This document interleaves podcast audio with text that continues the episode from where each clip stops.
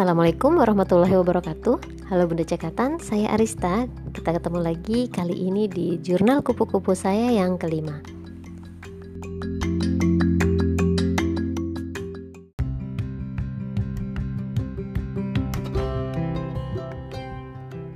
Di pekan yang kelima ini Bu Septi membawakan materi tentang bagaimana kita bisa melakukan false celebration uh, apa itu? Jadi intinya kami diminta untuk melakukan review bersama dengan mentor mengenai uh, apa yang sudah kita kerjakan. Jadi membuka kembali, membuka ulang mind map kita, kemudian action plan-nya, dan sampai e, sebatas apa yang sudah kita lakukan, apakah on track atau belum, bagaimana rasanya, dan apa kesalahan-kesalahan yang sudah kita buat yang bisa kita ambil pelajaran dari sana. Kemudian kita berikan apresiasi terhadap diri kita sendiri uh, karena kita bisa menemukan kesalahan itu dan berusaha untuk memperbaikinya lagi di masa yang akan datang. Jadi uh, di pekan ini mentor saya menanyakan kepada saya apakah mau melakukan fall celebration ini hanya berdua saja private bersama mentor ataukah bersama teman-teman menti lainnya yang kebetulan kami sama-sama berada uh, di satu mentor yang sama. Memang sebelumnya kami belum pernah bertemu ya, jadi sesama mentor dari eh, sesama menti dari mentor yang sama ini tuh kita belum pernah saling saling kenalan gitu. Siapa aja sih yang berguru pada guru yang sama gitu ya, yang dibimbing oleh mentor yang sama. Saya uh, menerima tantangan, saya terima dengan senang hati jika memang kami ingin digabungkan dalam satu grup untuk melakukan uh, fall celebration bersama-sama gitu. Jadi pada akhirnya uh, mentor saya membuatkan sebuah grup WhatsApp uh, dikumpulkan semua mentinya gitu ya dan cukup surprise gitu. Karena ada beberapa teman-teman yang bergabung ketika di kelas ulat-ulat ya. Kami bergabung dalam uh, keluarga yang sama gitu ya. Itu keluarga desain. Ya emang nggak jauh-jauh ya. Karena um, mungkin mind map kami memang kurang lebih uh, ada hubungannya gitu.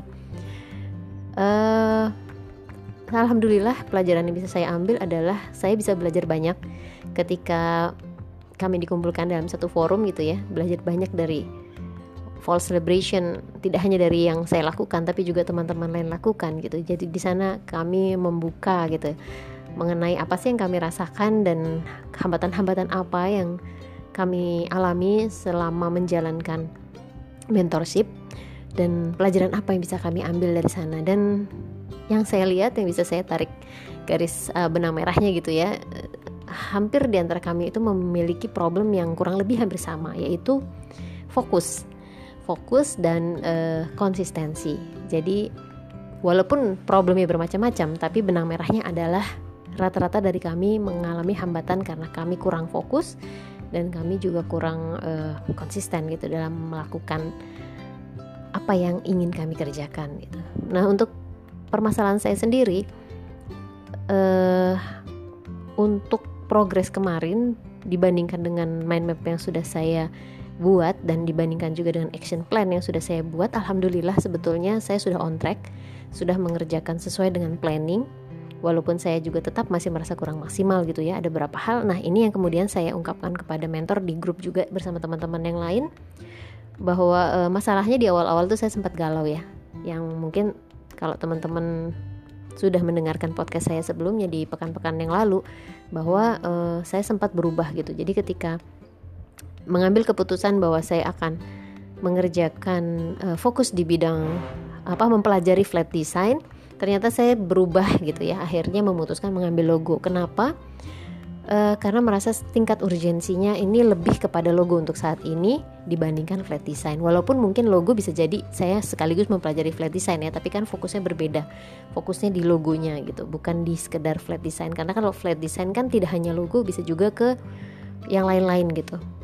Nah ini sekarang fokusnya di logonya gitu. Bagaimana menginterpretasikan request dari orang atau customer atau pelanggan yang menginginkan untuk dibuatkan logo tertentu dengan spesifikasi tertentu, kemudian bagaimana menerjemahkannya ke dalam sebuah karya desain. Itu yang jadi fokus saat ini. Uh, kemudian mentor saya sempat bertanya gitu, apa yang membuat saya berubah dan memutuskan dan menyadari kalau saya itu saat ini lebih butuh ke uh, logo desain logo ya saya sampaikan apa adanya bahwa ini berkaitan dengan request gitu jadi uh, alhamdulillah yang usaha yang saya rintis sekarang kan berkaitan dengan desain grafis ya memang walaupun saya sambil belajar. Tapi uh, di situ saya banyak menemukan tantangan-tantangan bahwa kebanyakan yang request ke saya adalah mengenai logo itu. Logo label dan sebagainya kan berkaitan ya. Uh, pada titiknya tuh sama gitu. Ya itu dari situ kayak kemudian saya memutuskan oh saya harus uh, fokus di logo dulu nih. Karena apa? Untuk meningkatkan rasa percaya diri saya ketika saya menghadapi calon klien. Gimana saya bisa menghargai hasil karya sendiri bisa menilai sejauh mana kemampuan saya dan bisa menginterpretasikan uh, keinginan dari customer saya dengan lebih baik gitu dengan lebih percaya diri gitu. Kemudian uh, satu kelemahan saya yang lain yang saya temukan ketika menggali apa yang sudah saya lakukan adalah agak saya agak kurang konsisten dalam masalah waktu belajar.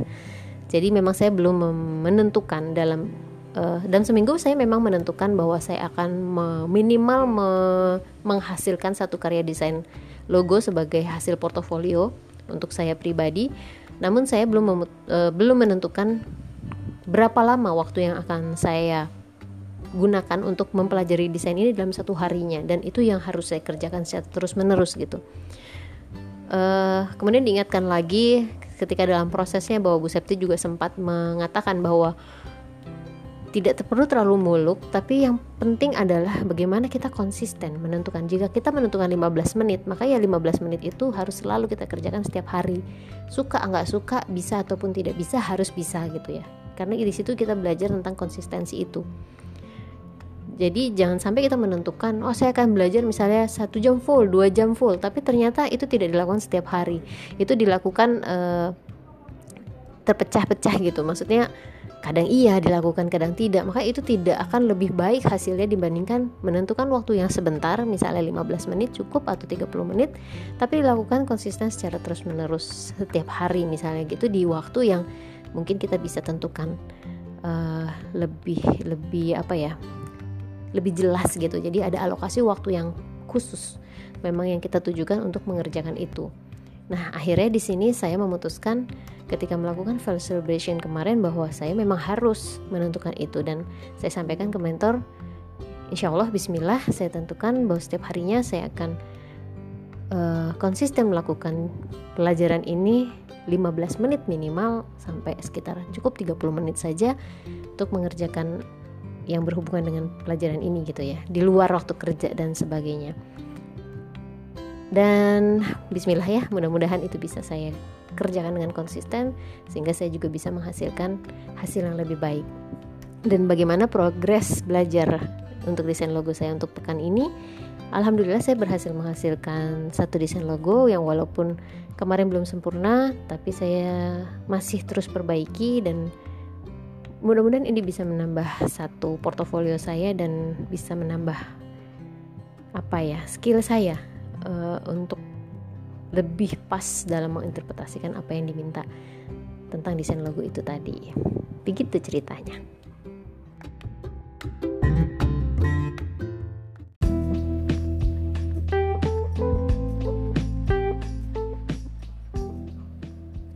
Oke, okay, Sekian jurnal kelima saya. Semoga apa yang saya sampaikan bisa diambil manfaatnya. Sampai ketemu di next jurnal insya Allah. Assalamualaikum warahmatullahi wabarakatuh. Bye bye.